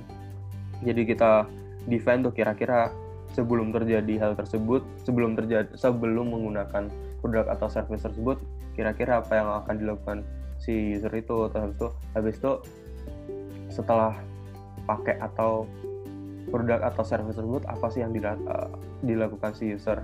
Jadi kayak misalkan kita bikin journey-nya dia lah pakai sebuah produk itu sih gitu. Sebelum dan setelahnya biasanya ada tiga tiga kali ini sih. Kayak sebelum dia pakai itu ada dia ngapain ngapain ngapain terus setelah dia pakai dia bakalan ngapain ngapain ngapain gitu. Jadi mereka user journey-nya terus uh, ini sih yang paling krusial sih. Jadi saat kita uh, ketemu user secara langsung kita melakukan interview atau wawancara kita itu kalau bisa mendesain sebuah produk itu atau service atau yang lain lah. Itu find the root problem sih. Jadi cari akar permasalahannya gimana gitu. Karena biasanya yang dikatakan orangnya dikatakan orang-orang itu nggak uh, nggak nggak masalahnya beneran gitu. Si user itu kadang wah malu-malu gitu kan buat buat uh, apa menceritakan masalah sebenarnya gitu. Nah ini tugas buat desainer sih biasanya buat mencari sebenarnya root of the problemnya apa gitu main of the problemnya kira-kira apa gitu. Ini aku mau bahas sedikit sih uh, tentang find the root problem jadi gimana caranya kita buat uh, apa cari kira-kira akar masalah karena cukup panjang juga kalau misalkan kita bahas mengenai cara mencari masalah gitu kan. Mungkin bisa di meetup selanjutnya atau pembahasan selanjutnya.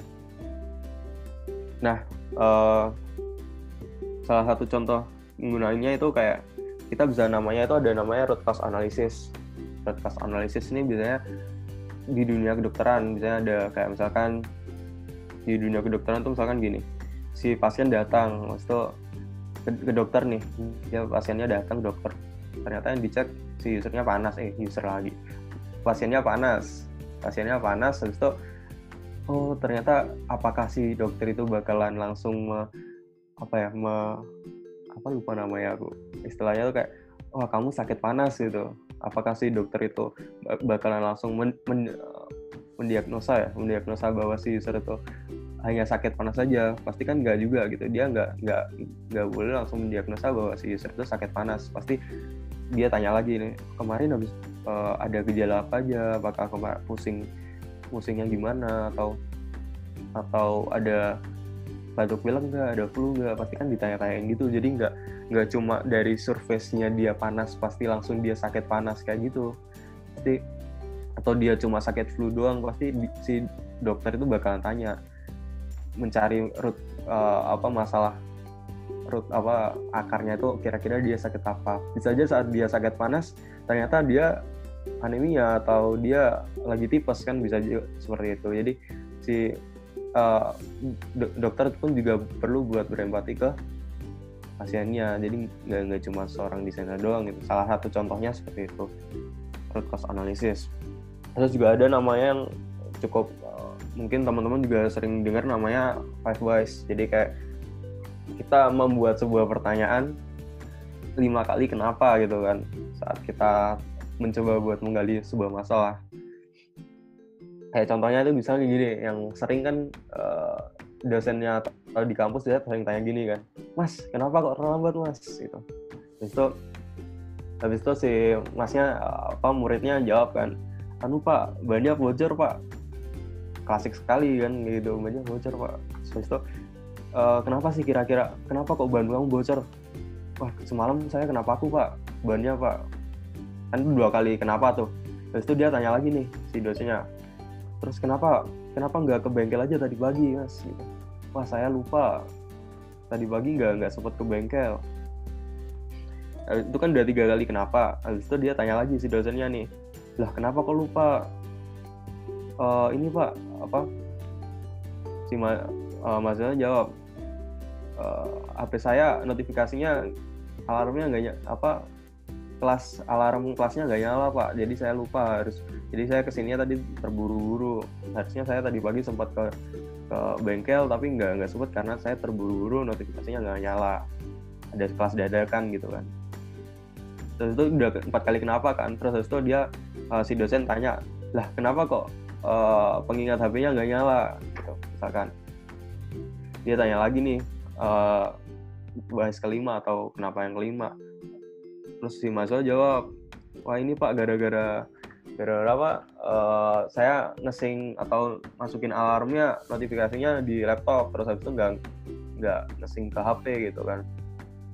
Dan dan dia terlalu buat jagain si HP-nya itu. Nah ternyata di sini kita bisa cari kesimpulan root of the problemnya ternyata si uh, notifikasinya nggak nggak nyambung ke HP bukan karena dia bannya bocor atau gimana gitu karena keteledoran dia dia nggak ngesing notifikasi reminder kelasnya ke HP gitu. Itu sih contoh dari five ways contoh dari dunia nyatanya ya gitu. Mungkin di sistem ntar teman-teman juga bisa cari juga sih gitu. Itu itu bisa buat ini sih. Kita buat cari masalah-masalah yang nggak ke highlight. Kira-kira di surface yang buat di uh, sampaikan tuh kita bisa pakai dua metode ini salah satu contohnya gitu. Begitu. Bentar. nah udah sih gitu dari aku designing with empty. Terima kasih. Kalau misalkan teman-teman ada tanya langsung bisa email sih. Faisalriset.gmail.com atau mau DM IG juga bisa Faisal RSQ gitu mas. Aku kembaliin ke Mas Al Faldi sama Mas Anggit Oke, terima kasih Mas Faisal. Oke, keren banget ya. Ternyata proses empati itu nggak cuma sekedar gitu aja. Terus tadi kayaknya yang mau PDKT bisa nih pakai spektrum oh. dari pipi meningkat meningkat meningkat. Yes. Yo, iya. Berguna sekali sih sebenarnya hari ini. Jadi nggak cuma desainer ya yang mau PDKT tuh bisa tuh tanya-tanya Mas. Oke, uh, mungkin teman ada yang mau tanya nih, Mas Noval, kira-kira ada yang mau tanyakan dulu nggak sebelum teman-teman stop sharing ya, Mas? Uh, gini sih, aku mau tanya nih ke Mas Faisal. Uh, gimana ya kalau misalkan uh, empati kita itu kan usernya kan pasti um, katakanlah kayak pengguna Gojek nih. User mm -hmm. ada umur uh, 18 tahun, 20 tahun, 40 tahun uh. sampai yang katakanlah yang paling tua mungkin 60 tahun lah.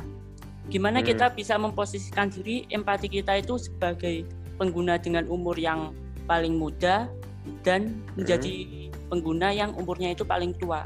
Nah, posisi empati kita untuk pesona user yang muda sama tua itu gimana membedakannya, Mas, supaya nggak jadi campur aduk hmm. gitu. Hmm.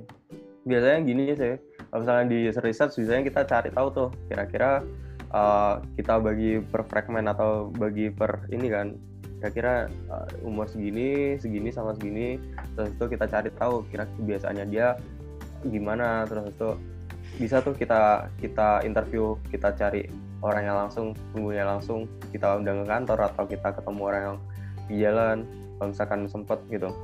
Kita tanya kira-kira uh, ada masalah apa sih atau ada uh, kendala gimana sih saat kita pakai hmm, apa aplikasi ini sama aplikasi aplikasi Gojek tadi ya Mas ya itu yeah. bisa ditanyain langsung kita jadi per per segmen usernya itu bisa kita tanyain langsung jadi nggak nggak nggak nggak nggak tercampur aduk dan bakalan bisa kita cari tahu apa ya kira-kira di umur segini sama umur yang umur yang muda sama yang tengah-tengah sama yang tua itu masalah yang terjadi pasti beda-beda dan itu bisa kita tarik sebuah kesimpulan oh ternyata uh, masalah yang orang-orang yang pengguna tua kurang kelihatan nih batannya atau gimana terus itu flow-nya terlalu panjang. Itu kan kita bisa menyesuaikan buat itu sih buat ke arah yang orang-orang yang jarang itu sih. Namanya ada ini sih inklusif desain sih mas tuh. Kayak misalkan kita lebih berempati sama bagaimana caranya kita apa membuat sebuah desain tuh ke orang-orang yang bukan ininya bukan bukan apa ya orang yang dominan gitu jadi kita cari tahu aja mas, yeah, yeah, kayak yeah, bikin segmen-segmen segmen usernya kira-kira umur segini, umur segini, umur segini. Oke, itu tadi ya. Terus ini ada, ini mas pertanyaan dari Mbak. Ini namanya Mayrina, Mayrina atau Rina aja ya, Mbak Rina? Rina aja itu okay. sepertinya.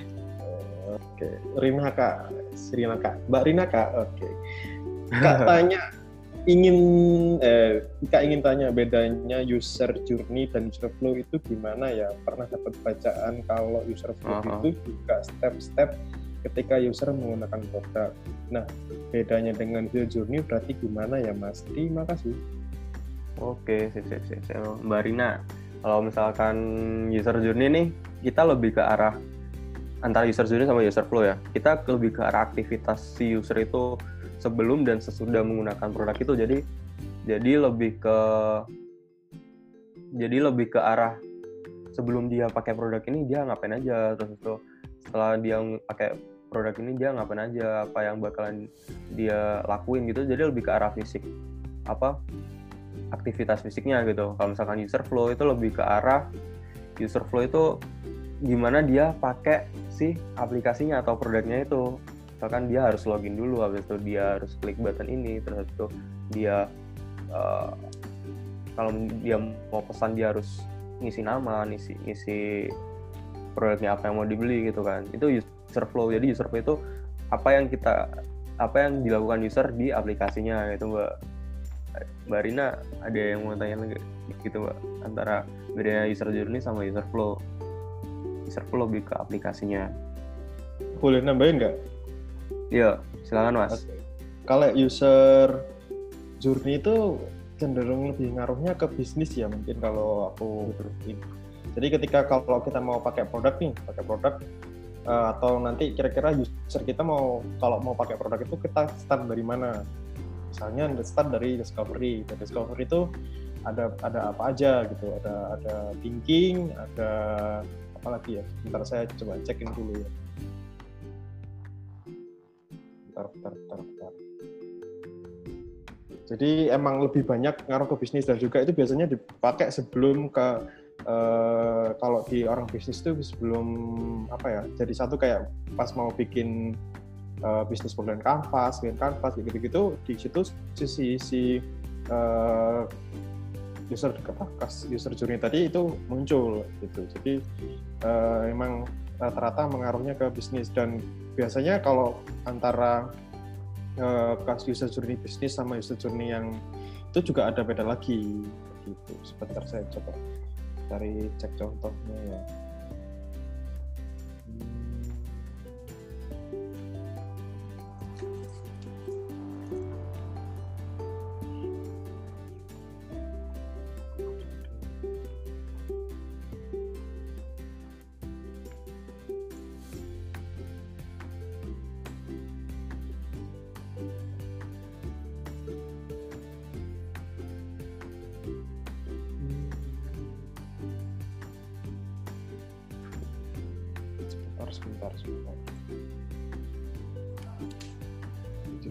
sekalian lebih ada contohnya gitu. Terus kalau di user journey juga ada ini uh, kita buatnya itu based on persona dan apa ya istilahnya itu kita di situ ada juga alur emotionnya. Tapi kalau yang user flow kan itu sekedar kayak semacam flowchart gitu ya. Kalau user user itu ada uh, flow emotionnya. Mungkin kalau teman-teman atau pernah tahu itu emang secara tampilan juga antara user flow sama user journey itu memang beda. Gitu. Hmm, contohnya nggak ada ya. Oke. Okay kayaknya kependem sih ya gitu sih mungkin lebih uh, lebih ininya uh, perbedaan antara user journey sama user flow itu sih mbak mbak Rina kira-kira ada yang tanyakan lagi nggak? Ya kalau kira-kira hmm, kapan kita harus menggunakan user journey, kapan kita harus menggunakan user flow? Apakah dua-duanya atau cukup pilih salah satu, Mas? Uh, karena prinsipnya berbeda beda harus iya. beda. Bisa pakai dua-duanya. Dan hmm. itu biasanya di tahap hmm. ideation ya kalau nggak salah.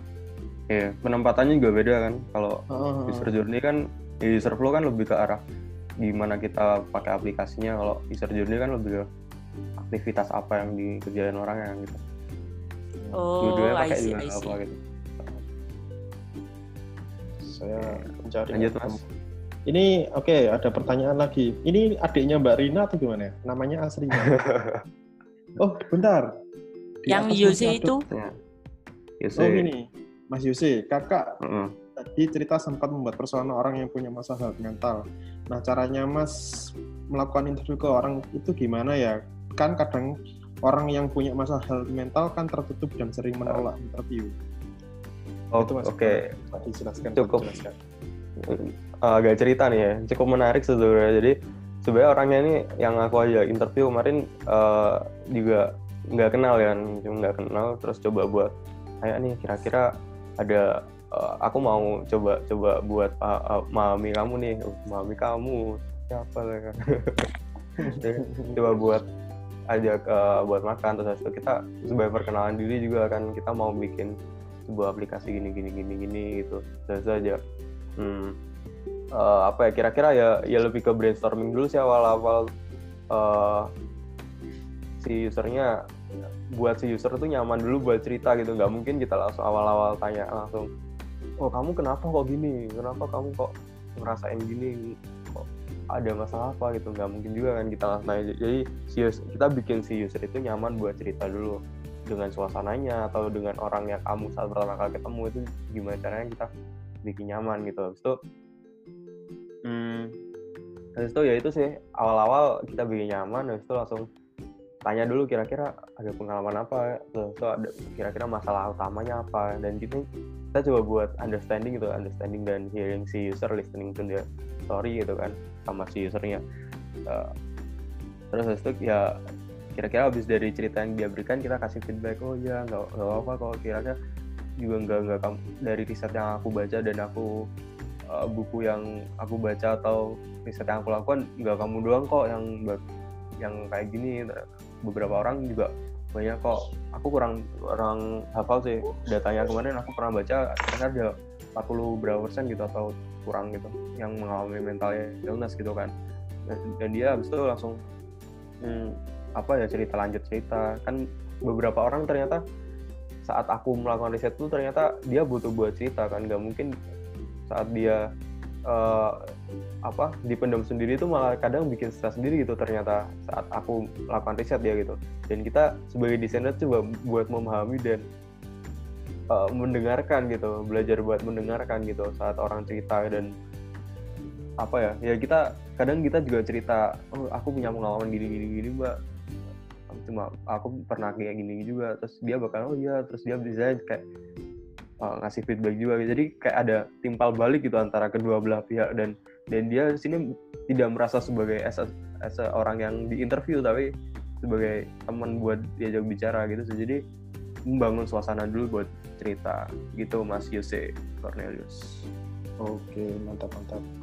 Mungkin Mas Yuse ada yang ditambahkan atau mungkin cukup?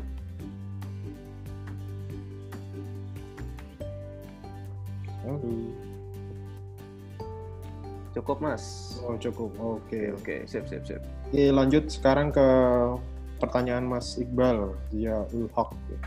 Mas, ta Mas tanya, Mas, eh, Mas mau tanya kalau dari Mas ketika melakukan user research dan dengan empathy, biasanya pertanyaan kunci apa saja yang wajib ada? Hmm. Pertanyaan kunci, sebenarnya nggak ada pertanyaan kunci sih kayak misalkan kita biasanya bawa uh, bikin-bikin aja pertanyaan yang secara garis atau umum gitu kan sebelum kita terjun ke user. Habis itu kita tanya uh, apa ya? Ya kita improvisasi sendiri sih. Karena kita biasanya nggak nggak ada nggak berpatokan pada pertanyaan yang yang itu itu aja. Kadang kita tanya kondisi di lapangan juga beda. Misalkan pak uh, bapak apa ya misalkan ya contohnya? Misalnya yang gerobak sampah tadi ya bawa gerobak sampah. Pak bapak kalau misalkan uh, apa narik itu apakah berat apa enggak pak? Gitu. Kan pasti juga kita kadang dari situ bapaknya ngomong oh nggak berat mas. Terus kita improvisasi sendiri dari pertanyaan jawaban bapaknya gitu kan biasanya gitu sih. Jadi nggak ada pertanyaan kunci apa yang wajib ada itu nggak ada mas. Jadi lebih ke improvisasi keadaan yang ada di lapangan seperti apa. Tapi biasanya kita bikin apa ya kayak guide apa aja gitu. Itu tergantung masalahnya juga sih tergantung masalah apa problem apa yang mau di di iniin ya paling ya kayak mungkin yang bisa di apa wajib ada ya kayak tanya-tanya kira-kira personanya bapaknya terus kesehariannya apa aja gitu sih. Yang tadi buat detailing. Terus habis itu kesehariannya apa aja gitu. Itu habis itu kita bisa improve sendiri sih. Oke oke. Berarti memang mungkin yang lebih pasti ditanya adalah background dari usernya ya mm -mm, aktivitasnya saat dia pakai gitu oke oke Oh, terus ini lanjut lagi mas ya. Uh, yep. Terus ada pertanyaan dari, oh sorry, tadi mas aman tadi mas ya. Oke, makasih mas aman. Ya. Siap siap. Oke lanjut ke pertanyaan mas Muhammad Arif Nurhuda. Mas kalau jika user tidak menyebutkan secara detail permasalahan saat kita interview, itu bagaimana untuk menentukan user root-nya, Mas? Gimana, Mas? eh sering terjadi sih misalkan ada user yang cuma jawab singkat doang gitu kan cukup ngeselin juga tapi sebagai desainer kita buat gali dari itu sih dari awal kita buat suasana karena ini kita ketemu orang yang mungkin gak kenal sama kita ya bangun suasana dari awal kita juga harus pinter gitu buat bangun suasana di awal dan cukup meyakinkan buat orang itu nggak nggak berpenampilan seperti penjahat atau gimana gitu kan jadi uh, itu sih. Pertama bikin suasana dulu kayak mendukung buat dia nyaman dan tidak merasa terancam dengan kehadiran kita gitu. Itu uh, uh, ya gitu five ways gitu sih kayak misalkan misalkan dia jawabnya apa terus kita tanya kenapa bapak lo gini? Terus itu kalau misalkan bapak kayak gini gimana? Kita tanya coba tanya dengan ways yang lain gitu sih. Ya itu pinter-pinter kita sebagai desainer buat cari problem main problemnya sih. Dengan contohnya yang uh, yang saran dari apa yang pakai RCR cost analysis atau yang five base itu. Mungkin kita itu ya. uh. di mungkin di biasanya kan kalau orang kan ada mas nanti kalau mau ini kita kasih reward. Wih, bisa. ditambahi motivasinya. Jadi kayak iya. kita nambahi uh, biar ada motivasinya aku mau mau memberikan informasinya. Tapi jangan di ini juga maksudnya jangan dikasih tahu dulu rewardnya seperti apa. Takutnya mm-hmm. mereka ada apa ya istilahnya ada tujuan malah ambil rewardnya bukan malah informasi. Itu yang motivasi dengan reward. Uh, yang perlu perlu tricky tricky yeah. mm-hmm. oke lanjut ke siblingsnya Mbak Rina nih Asrina Pin, Pin atau apa ini? Aku ingin bertanya bagaimana kita menemukan dan tahu solusi yang diberikan sudah tepat sesuai dari empati yang kita rasakan kepada user. Oke, uh, karena desain itu kan prosesnya nggak cuma sekali ini ya, sekali iterasi ya. Jadi saat kita udah nih selesai nih, kita udah uh, satu iterasi, kita udah bikin prototipenya, terus habis itu uh, udah jadi nih prototipenya ya kita coba buat ke user lagi nih. Kira-kira si user ini uh, apa si user ini saat dia pakai prototipenya gimana gitu? Perasaannya dia gimana? Kita coba berempati lagi karena itu kan proses desain gak cuma satu iterasi kan. Kita balik lagi nih ke empati. Dia saat pertama kali bikin eh dia saat pakai si produknya gimana gitu. jadi apakah buat sesuai dengan solusi yang kita berikan dan sesuai itu ya uh, kita karena misalkan proses desainnya udah selesai ya kita buat empati lagi sih gitu. Kadang biasanya satu empati itu solusinya nggak nggak nggak cukup apa nggak tepat-tepat banget gitu. Kadang ada yang perlu masih perlu ditambahin jadi kita iterasi lebih banyak di situ. Oke bagaimana mbak Asina bisa menjawab? Oke nggak aman aja ya oke langsung masuk lanjut ke mbak Nur Azizah nih mas maaf mas eh, mau tanya untuk pendekatan UI UX untuk orang yang buta warna itu gimana ya? Nanti kan berarti ngaruh sama pilihan warna palet pada aplikasinya. Kan sudah uh, sudah ada risetnya mengenai itu. Soalnya saya jarang tahu mengenai UI yang ramah juga hmm. untuk buta warna. Terima kasih. Oh, ini cukup menarik sih mas. Ini apa? Hmm. Pernah ini ya mas, yang impul apa impulsif, inklusif design ya mas. Uh, dulu di di XDA pernah di Indux pernah bawain juga jadi uh, inclusive design jadi kayak misalkan kayak ini sih salah satu contohnya kita bikin desain buat orang yang buta warna gitu kan gimana gitu kalau misalkan dengan case seperti ini kita bisa cari uh, apa yang misalkan karena dia buta warna pasti dia nggak nggak mungkin dia terlalu ngeliatin warnanya. Misalkan kita kasih warna yang gimana pun dia nggak kelihatan. Misalkan kita anggap aja buta warnanya yang full ya yang yang apa yang hitam putih gitu ya.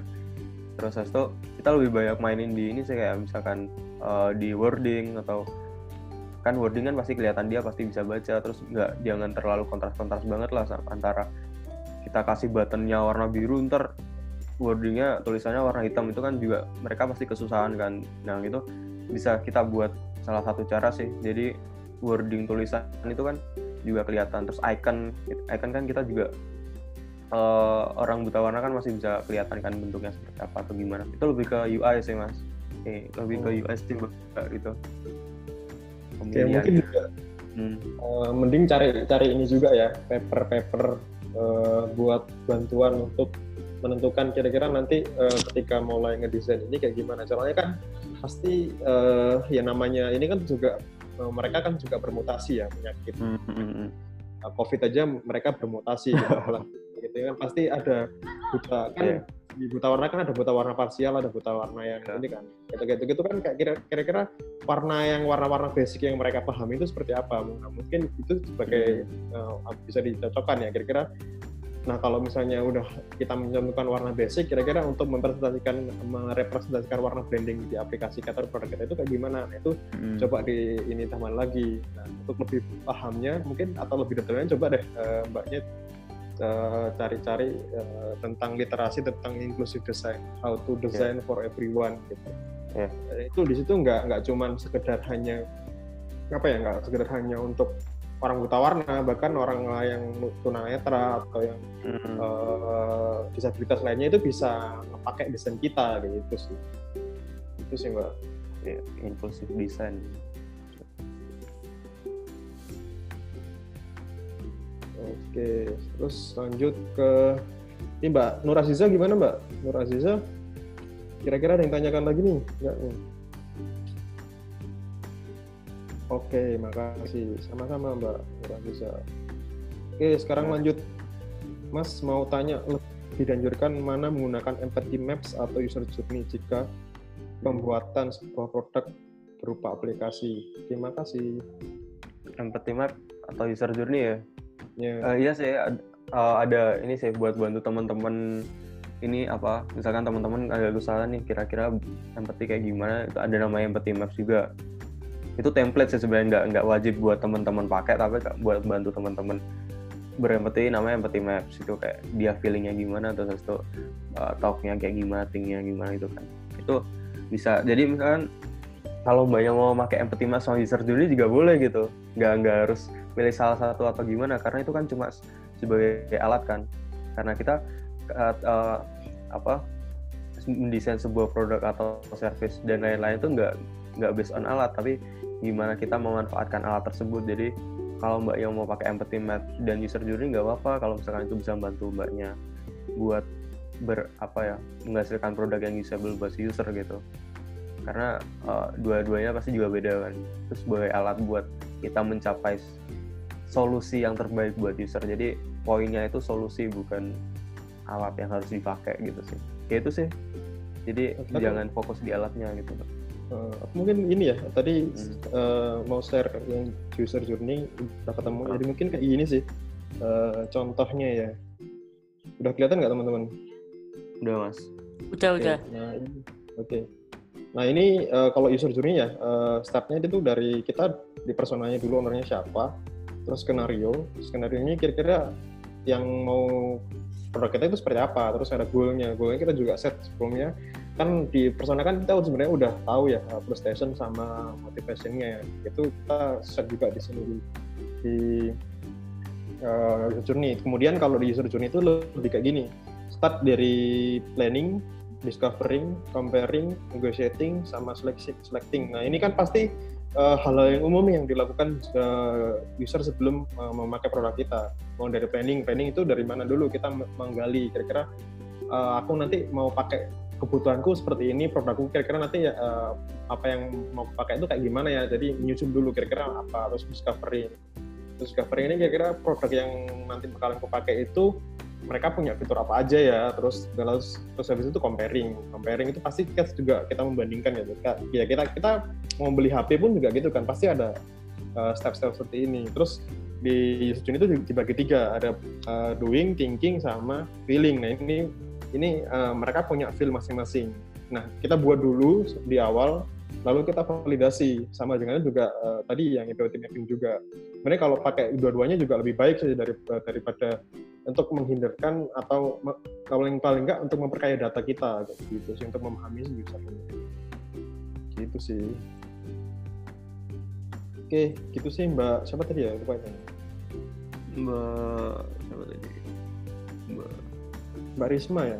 Oh ya mbak ya, Risma. Bagaimana oh. Risma? Kira-kira ada yang tanyakan lagi nggak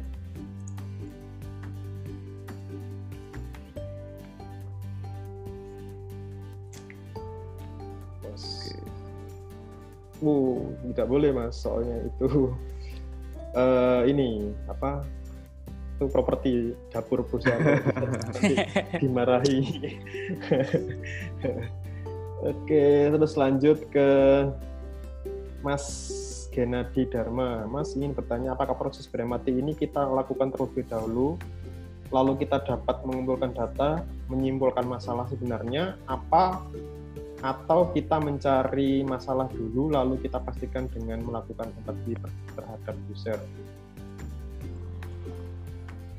Oke, mencari masalah dulu lalu kita, hmm, nggak nggak harus urutannya nggak harus ini sih mas, kemudian nggak nggak terlalu apakah kita harus cari masalah dulu habis itu langsung apakah kita harus berempati dulu? Sebenarnya tergantung dari teman-teman nih. Misalkan teman-teman uh, nggak uh, tahu nih kira-kira masalah yang terjadi itu apa gitu kan. Nggak nggak ada banget sama sekali. Yang gak teman-teman coba tanya ke orang yang bakalan pakai atau teman-teman mau bikin ide baru gitu kan kira-kira bingung kira-kira masalahnya apa. Terus teman-teman coba tanya atau berempati dengan orang kan pasti di situ bakalan muncul-muncul masalah-masalah yang ada gitu. Baru ntar bisa kita simpulkan oh ternyata masalah sebenarnya kayak gini.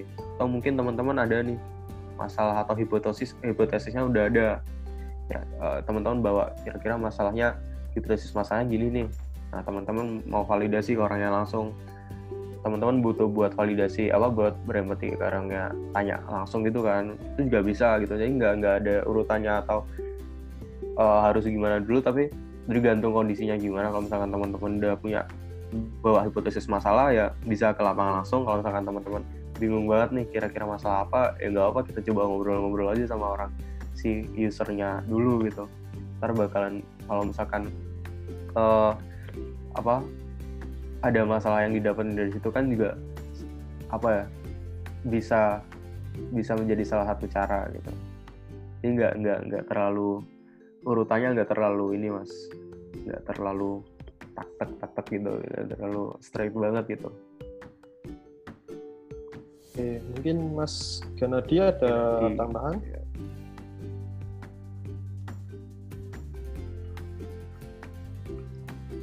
Tidak. terima Tidak kasih. mas. Terima kasih. Oke, lanjut ke ini Mas Mas atau Mbak ya, Playlius. Lelius. Jadi Mas ingin menanyakan bagaimana untuk connect dan menarik dari besar dari hasil riset sampai eh, Hmm. IAS membuat solusi untuk sampai bisa ini maksudnya sampai bisa membuat solusi Nah. untuk desain. Soalnya dari pengalaman saya melakukan HMW dan interview Hmm. user dengan hasil risetnya yang sangat banyak biaya saya bingung untuk mengkerucutkan Hmm, untuk hmm. membuat solusi tersebut. Thank you. Eh, biasanya bantu juga sih HMB kan kadang-kadang kita bingung nih kebanyakan masukan dari atau masalah dari research habis itu kita bikin di eh, di tembok gitu kan definitive mapping HMB-nya gimana. Karena kebanyakan itu mungkin masnya bingung gitu kan. Wah ini masalah sebenarnya mana nih? Nah itu bisa kayak masnya cari cari dulu nih kayak tadi root cause analysis kira-kira masalah utamanya gimana? Karena misalkan eh masnya cuma apa dapat masalahnya banyak banget. Mungkin itu cuma surface dari masalahnya itu. Jadi masnya mungkin bisa kayak cari kira-kira masalah utamanya yang mana sih? Atau yang bener-bener yang di permasalahin si usernya yang mana? Jadi nggak semua yang di HMW itu masalah utama yang harus di di apa di di apa di solving gitu di solve. Jadi coba cari root root permasalahannya. Kira-kira gitu sih mas. Karena biasanya bingung juga sih waduh ini ya banyak banget nih. Terus itu dikelompokin jadi satu per kategori itemnya dari situ kan kelihatan oh ternyata masalahnya ada di bagian infrastruktur atau di bagian apa yang lain-lain gitu sih. Jadi cari root root case uh, root problemnya. Oke, bagaimana Mas? Flevius? Flevius agak susah, sorry. Aman ya? Oke, aman. oke Terus lanjut ke mana tadi ya? oke Nuraza Biasanya bany- untuk warna UI di aplikasi biasanya maksimal berapa warna begitu Mas?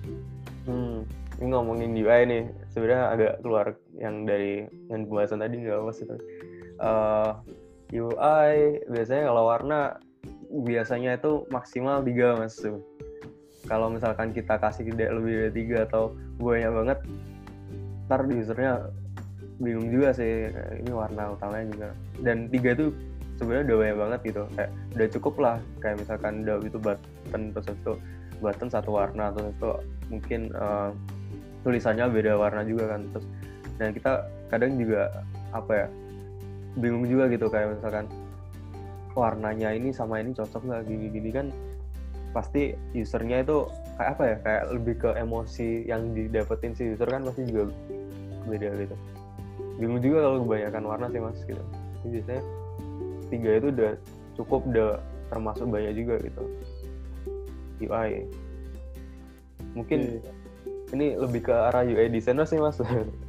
Oke, mungkin di sini juga ada Iya. Mas Fadil ya, mungkin bisa ini nggak Mas? Hmm. bisa berbagi sharing gitu. Kira-kira kalau dari Mas Fadil sendiri kalau ngedesain UI itu eh, biasanya berapa warna? ya.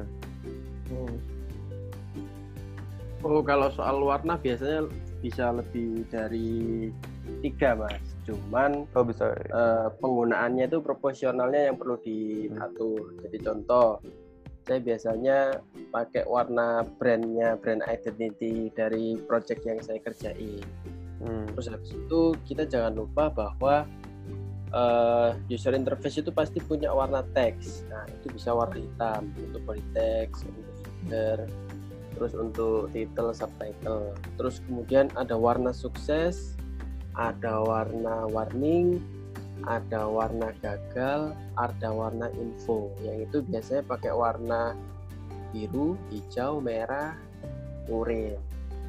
Nah, terus di samping itu baru pakai warna brand identity dari project yang akan kita kerjain. Cuman kan kalau warna-warna danger, warna himbauan, warna warning itu kan nggak semuanya dominan di situ, Mas. Itu kan hanya warna yang muncul ketika ada keperluan-keperluan tertentu itu aja sih Oke, Oh, terima siap, kasih Nah, Mas Wadil ini seorang UI lead Baik. designer ya dari Kipa Indonesia dan juga kebetulan partnernya kita di Dribble Community sih, jadi pas juga untuk menghadap dia, jadi bisa sharing-sharing lebih banyak. Wih, Itu sih mungkin Mas muncul. Nah ini orangnya. Oke, terus lanjut ya ke izin bertanya mengapa ada beberapa aplikasi yang lebih diunggulkan daripada aplikasi serupa yang lain? Apakah empathy bermain peran dalam adanya perbedaan keunggulan dari aplikasi tersebut? Jika iya, bagaimana cara menggunakan empathy tersebut mengembangkan aplikasi lebih jauh? Terima kasih. Hmm, mungkin dia sih kadang kan user itu lebih apa ya salah satu salah satu uh, pertimbangannya buat gunain aplikasi itu kan juga karena experience yang didapat dari aplikasi itu kan. Jadi mungkin dari aplikasi satu dengan aplikasi yang lain experience yang didapat juga beda gitu. Jadi empathy ini cukup cukup bermain peran gitu kan. Cukup bermain peran kayak film. Jadi cukup apa berpengaruh lah berpengaruh dari hasil experience yang didapetin user gitu. Jadi apa ya pertimbangan user itu wah, kalau misalkan aplikasi yang aku pakai di sini lebih nyaman nih daripada aplikasi sa- satunya gitu kan itu experience yang didapatkan juga salah satu salah satu apa ya salah satu eh, hal yang digalikan juga dari empathy si desainernya gitu Bagaimana Mas Amir? Apakah ada tambahan? Jadi saya kalau ing- eh, pertanyaannya Mas Amir ini jadi ingat yang kemarin bahasan di grup SDA yang bahas dark pattern itu yang sangat-